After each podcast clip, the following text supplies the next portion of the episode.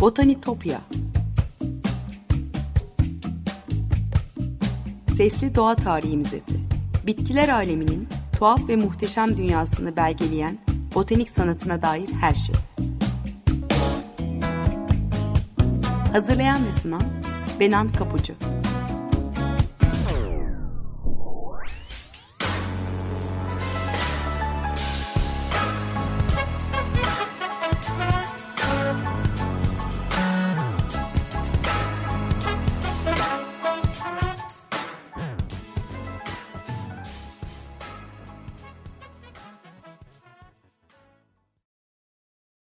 Merhaba sevgili Açık Radyo dinleyicileri.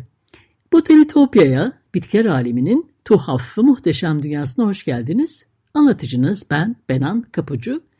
botanitopya.gmail.com elektronik posta adresinden ya da aynı adlı Twitter hesabından her zaman bana ulaşabilir. Yorumlarınızı ve anlattığım konuya dair katkınızı paylaşabilirsiniz.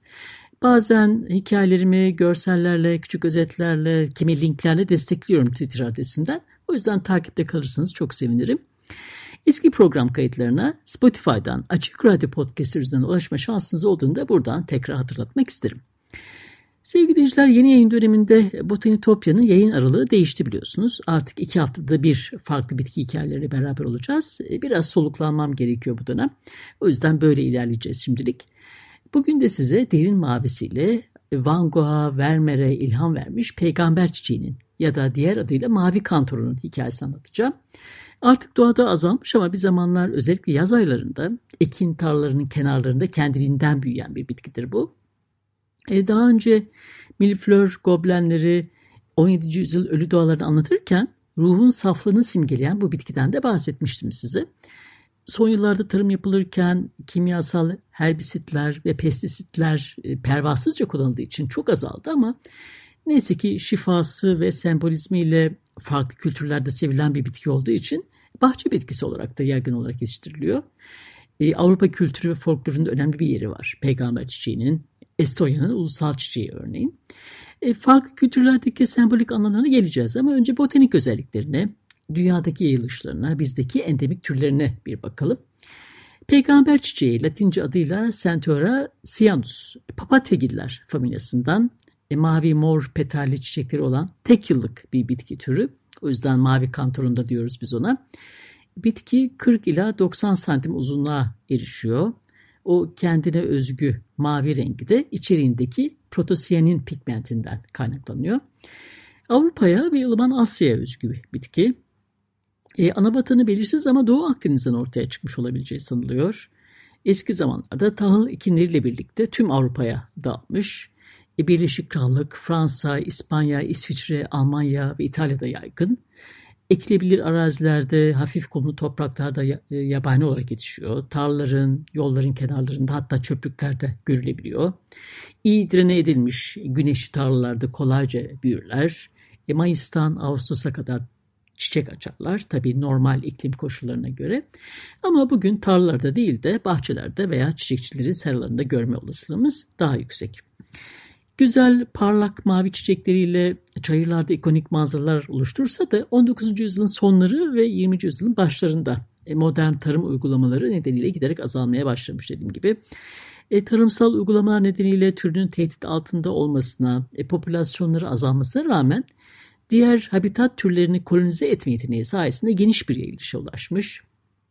E, Güney Afrika, Asya, Kuzey ve Güney Amerika ve Yeni Zelanda'da yerel türlerden biri olmuş. Amerika Birleşik Devletleri'nde ise istilacı bir ot olarak kabul ediliyor. Anadolu'da yetişen endemik peygamber çiçeği türlerimiz de var. Örneğin Kilios peygamber çiçeği, Centura kilea, e, Düzce, İstanbul, Kırklareli, Kocaeli ve Sakarya illerinin sahil kısmındaki kumul alanlarda yetişiyor. Haziran-Ağustos aylarında dallanmış sapların ucunda mor renkli çiçekler açıyor. Bir diğer türe e, çatalca peygamber çiçeğine e, Centura Hermani e, ise yalnızca İstanbul çevresinde, e, maki topluluklarında ya da meşe ormanlarında rastlıyoruz. Taban yaprakları parçalı, dik gövdeli turuncu çiçekleri var. Her iki türde habitat kaybı yaşadığı için nesli tükenme tehdit altında. Göl başında Mogan Gölü çevresinde Hacı Hasan Köy yakında yetişen bir endemikte Centura Çihaçov nesli e, tarım ilaçları yüzünden yok olma tehlikesiyle karşı karşıya kalınca Bern Sözleşmesi kapsamında koruma altına alınmış. Bu bitkinin çiçeği yansıma açısına göre kırmızının farklı tonlarını yansıttığı için e, gölbaşı çevresinde yanar döner olarak biliniyor. E, gölbaşı çiçeği, gölbaşı peygamber çiçeği ya da sevgi çiçeği de diğer isimler arasında. İlk kez 1848 yılında İstanbul Rus elçiliğinde ateşi olarak da çalışmış olan Rus bilim insanı Piotr Çihachov tarafından e, Ankara, Gölbaşı, Gölbek, Yavrucak arasından toplanmış. Bitki toplandıktan 6 yıl sonra 1854 yılında yayınlanarak yeni bir sentöra türü olarak bilimdeki yerini almış. E, bir programda Çihachov'u da konuşmalıyız belki. E, İstanbul'un konu edildiği ilk bilimsel çalışma olan kentin genel bir e, jeolojik ve coğrafi incelemesi olan Le Bosphore Konstantinopol onun eseri. E, onun adını taşıyan kimi bitkiler de var. Evet günümüzde tıpta pek kullanılmayan peygamber çiçeğinin e, tüm kısımları eski zamanlarda ilaç olarak kullanılmış, ateşi düşürdüğüne, kanı temizlediğine inanılmış. Çiçeklerin koyu mavi rengi gözlerle ilişkilendirdiği için eski şifacılar e, bitkinin yapraklarını e, konjonktiviti ve yorgun gözleri tedavi etmek amacıyla göz banyosu yapımında kullanmış. Bugün Fransa'da hala bitkisel tedavilerde yeri varmış peygamber çiçeğinin. E, cilt toniği ve gargar olarak da kullanılıyor. Tohumları da çocuklar için güvenli, hafif bir müsil olarak öneriliyor. Yapraklarından üretilen acı bir tonik e, romatizma tedavisi, sindirimi arttırma, e, karaciğer fonksiyonunu iyileştirme ve ayrıca enfeksiyona karşı direnci arttırmak için tüketiliyor. Evet, e, şimdi de sembolik anlamlarına bakalım biraz. E, Latince adı Centura Cianus dediğim gibi. E, Carl Linnaeus'un verdiği Centauri adı Yunan mitolojisine dayanıyor. Efsaneye göre kısmen insan, kısmen e, at görünümlü efsanevi yaratık Kentaur ya da Centaur, Herakles'in dokuz başlı Hidra'nın kanına batırılmış zehirli bir okla açılan bir yarayı iyileştirmek için peygamber çiçeği yapraklarında yapılan bir lapa kullanırmış. Yunan mitolojisinde genellikle büyük bir zehirli su yılanı olarak hayal edilen Hidra aynı zamanda dev bir sümüklü böcek olarak da yorumlanıyordu. Hristiyan sembolizminde sümüklü böcekler şeytanla ilişkilendiriliyor. Onun devası olan mavi kantorun yani peygamber çiçeği de doğal olarak cennetin kraliçesi e, Meryem ve İsa'nın sembolü haline gelmiş. Bu yüzden e, Orta Çağ ve Rönesans resimlerinde Hristiyanlıkta kiliselerin fresklerinde sıkça karşımıza çıkar peygamber çiçeği yani mavi kantoron. E, Bavyera'nın kuzeyinde e, Bamberg'deki Sen Mikael e, Kilisesi'nde güzel bir örneği vardır mesela tonozlu tavanda aralarında peygamber çiçeğinin de bulunduğu birkaç yüz bitki türü betimlenmiştir. E, okuduğum bir araştırmada efsanenin iki bitkiyi karıştırmış olabileceği yazıyordu. E, peygamber çiçeklerinin biraz önce dediğim gibi tonik olarak kullanılsa da panzehir özelliği yok. E, mitolojik hikayede yarayı tedavi eden bitkinin aslında gelin düğmesi dediğimiz kırmızı kantaron yani sentarum olduğu düşünülüyor. Şifalı bitkinin yanlış tanımlanması M.Ö. 288'e kadar, Teofrastos'a kadar uzanıyor. Peygamber çiçeğinin ikinci adı olan Siyanus ise Grekçe'de koyu mavi anlamına geliyor. E, antik çağdan 18. yüzyıla dek e, mavi anlamına gelen Siyanus denmiş bu çiçeğe. Bir başka mitolojik hikayeye göre e, çiçekleri seven, tüm zamanını onlardan çelenk yapmakla e, geçiren genç bir şair olan Siyanus. Bir peygamber çiçeği yatağında öldüğü için Tanrıça Flora bu çiçeği onun adını vermiştir. Öte yandan Persefone Hades tarafından kaçırıldığında kendini masmavi bir havuza çevirecek kadar e, perişan olan su perisi Siyan'in e, adını taşıdığını söyleyen bir başka mitolojik hikayede söz konusu. Evet sevgili dinleyiciler bu noktada bir müzik arası verelim isterseniz. Lorena McKennett'tan dinliyoruz. Tango to Evora. Birkaç dakika sonra tekrar buluşalım. Merhabalar tekrar. 95.0 Açık Radyo'dasınız. Botanitopya'da derin mavisiyle çok sevdiğimiz peygamber çiçeğini ya da diğer adıyla mavi kantoronu konuşuyoruz. Peygamber çiçeklerinin efsanelerle insanoğlunun gündelik yaşamıyla olan ilişkisi aslında Antik Yunan'dan önceki tarihlere, eski Mısır'a kadar uzanıyor. Eski Mısır'da M.Ö. 4. bin yılın ilk yarısına kadar uzanan döneme tarihlenen peygamber çiçeği reprodüksiyonları bulunmuş tahıl bitkilerinin eşlikçisi olarak ve mavi rengi nedeniyle muhtemelen mavi lotusa, Nymph Corylea benzetilmesi nedeniyle kısa sürede yaşamın ve doğurganlığın sembolü olmuş. Hatta bir bahçe bitkisi olarak da yetiştirilirmiş. Amarna dönemine yani M.Ö. 1364 e, ve 1347 yıl arasına ait ev ve evlerin ve sarayların duvar fresklerinde ve zemin desenlerinde peygamber çiçeği tasvirleri var. Çiçek başları küpeler, kolyeler, sarı toprak kaplarda da karşımıza çıkıyor. 18. Hanedanlık döneminden M.Ö. 1552'den başlayarak Antik Yunan ve Roma'ya dek mezar süslemelerinde peygamber çiçeğinin stilizasyonları kullanılmış. Tutankamon'un mezarında e, üç lahitte mavi lotus çiçeğinin yapraklarıyla birlikte peygamber çiçeğinden çelenkler de bulunmuş. Ölen kişiye reenkarnasyon yolculuğunda eşlik etmesi için yanına konan bitkilerden biri. Tarlalarda ekinlerle birlikte büyüdüğü için, yetiştiği için bereket tanrısı Osiris ile bir olduğuna inanılıyormuş. E, tarımı başlatan Osiris, kardeşi Set tarafından öldürüldükten sonra yeraltı dünyasının hükümdarı olmuştu biliyorsunuz. Büyüyen mısırlarla yeraltı dünyasından defalarca dirilen Osiris, peygamber çiçeğiyle özdeşleştiriliyor doğal olarak. Eski Mısır'ın peygamber çiçeği Mısır'a özgü olmayan ancak muhtemelen ithal tahıl tohumları birlikte Batı Asya'dan oraya gelen Centaurea depressa olduğunu söylüyor e, araştırmacılar.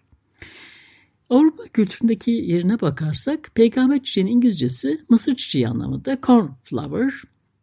Ekin tarlalarında yabani olarak yetiştiği için elbette. E, Büyük Britanya'da e, buğday, yulaf, çavdar, arpa gibi tüm tahıl mahsullerine genel olarak corn yani mısır deniliyormuş. E, o yüzden olsa gerek. Orta çağda ayrıca ciddi bir baş belası olduğuna dair kayıtlar var. E, sadece mahsul verimini azalttığı için değil, aynı zamanda e, tırpanları ve orakları körelttiği için de. 18. yüzyılda yaşamış İngiliz şair John Clare bir şiirinde peygamber çiçeklerini buğdaydaki mavi kapaklar diye tarif etmiş. İngiltere'de yaygın olarak kullanılan ve mavi şişe anlamına gelen Blue Bottle ismi de e, yine peygamber çiçeğinin isimlerinden biri. Yapraklarının mürekkep yapmak için preslendiği zamanlardan kaynaklanıyor olsa gerek. Peygamber çiçeğinin İngilizce'de bekarın düğmesi anlamına gelen Baker's Button e, diye bir adı da var. Bu isim e, çiçeklerin genellikle erkek takım elbiselerinin iliklerine yerleştirildiği Victoria döneminde e, ortaya çıkmış olabileceği söyleniyor. O dönemde bekar erkekler bir kadına romantik bir ilgi duyduğunu göstermek için peygamber çiçeğini yakasına takarmış. Eğer çiçek çok hızlı solarsa e, bunun aşkın karşılık bulmayacağına dair bir alamet olduğu düşünülüyormuş. Her duygunun gizli şifrelerle iletildiği Victoria İngiltere'sinde genç kadınlar da evliliğe hazır olduklarını göstermek için peygamber çiçeği takarlarmış. Eğer çiçeği önünün altında saklıyorsa bu onun kalbinde zaten biri olduğu anlamına geliyordu. E, çiçeklerin dilinde peygamber çiçeği egzotik güzelliği ve derin mavisiyle hep incelik ve zarafetle ilişkilendirilmiş. Aynı zamanda hatırlamayı, beklentiyi, doğurganlığı, zenginliği, refahı, sevgiyi ve geleceği sembolize ediyor. E, yaprakların kan akışını uyaran özellikleri sahip olduğunun e, kabul edildiğini söylemiştim. E, bununla ilişkili olarak Britanya kültüründe tuhaf bir taşra söylencesi var. O da şöyle. Haziranda yapılan Katolik yortusunun yaz şöleninde birinin burnu kanadığında peygamber çiçeklerini ısınana kadar elinde tutarsa burun kanaması dururmuş. Eski şifa kitaplarında e, peygamber çiçeklerinden ilk kez 12. yüzyılda yaşamış Alman azizi Hildegard von Bingen e, bahsetmiş ve bitkinin iyileştirici özelliklerine değinmiş. Peygamber çiçeği Almanya'nın ulusal çiçeklerinden biri olur daha sonra. Napolyon'un güçleri tarafından takip edilen Prusya Kraliçesi Louise'in Berlin'den kaçarken çocuklarına bir e, peygamber çiçekleri tarlasını sakladığı ve e, çiçeklerden çelenkler ördürerek onları susuttuğuna dair bir hikaye vardır. E, peygamber çiçeği Prusya mavisiyle de özdeşleştirilir ayrıca renginden dolayı. Almanya'nın birleştiği yıl olan 1871'de Kraliçe Louise'in oğlu Wilhelm peygamber çiçeğini birliğin sembolü yaparak sevgili annesini onurlandırır daha sonra. 10 bin yıldan fazla bir süredir Estonya topraklarında genellikle çavdar tarlalarında yetişen e, peygamber çiçeği Estonyalılar için günlük ekmeği desim geliyor ve 1968 yılından beri de ülkenin ulusal çiçeği. Amerika Birleşik Devletleri de 1600'lerde tanışmış bu bitkiyle. E, Amerikalı bahçecilik uzmanı Joseph Henry Breck, e, 1851 tarihli e, Amerikan bahçe çiçekleri hakkında en kapsamlı eseri olan The Flower Garden yani Çiçek Bahçesi kitabında Blue Bottle olarak bilinen e, mavi çiçekli olanların dışında e, beyaz, pembe, mor çiçekli türleri olan bu yaygın türü aslında görmezden gelmiş.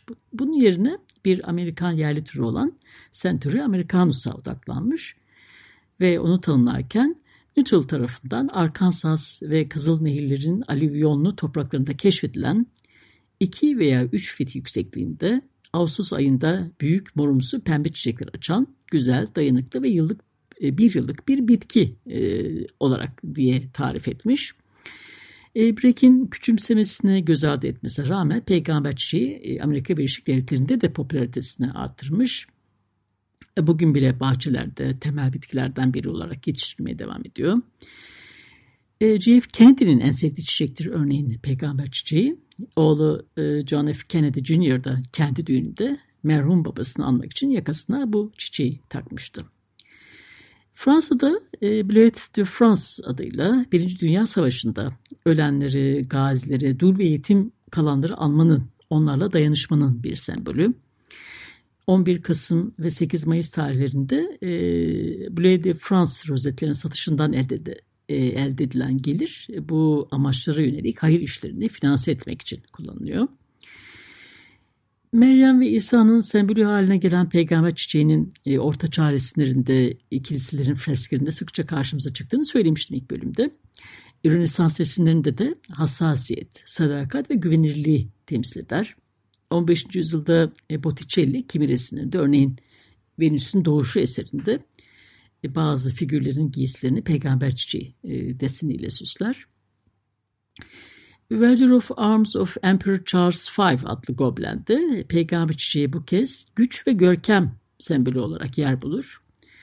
Amsterdam'daki Rijksmuseum'da korunan 1540-1550 tarihli bu duvar halısında Habsburg monarşisini simgeleyen iki başlı kartalın olduğu armanın çevresi karakteristik mavi bıraktırlarıyla peygamber çiçeğinde olduğu e, gerçekçi çizilmiş çeşitli bitkilerle çevrilidir.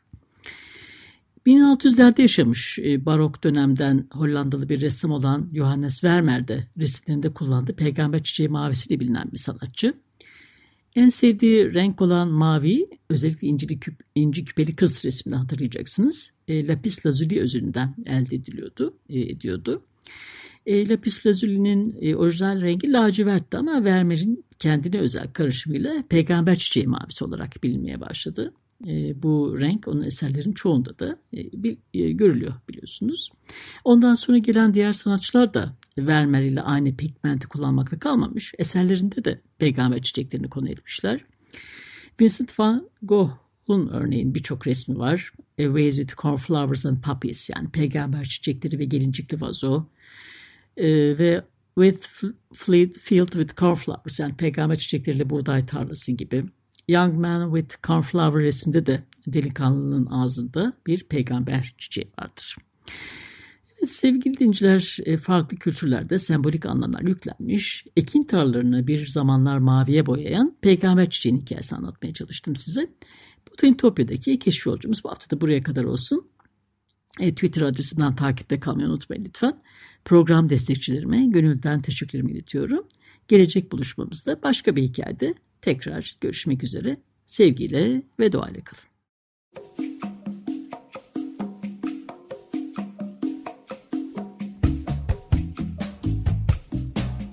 Botanitopya Sesli Doğa Tarihi Müzesi Bitkiler aleminin tuhaf ve muhteşem dünyasını belgeleyen botanik sanatına dair her şey. Hazırlayan ve sunan Benan Kapucu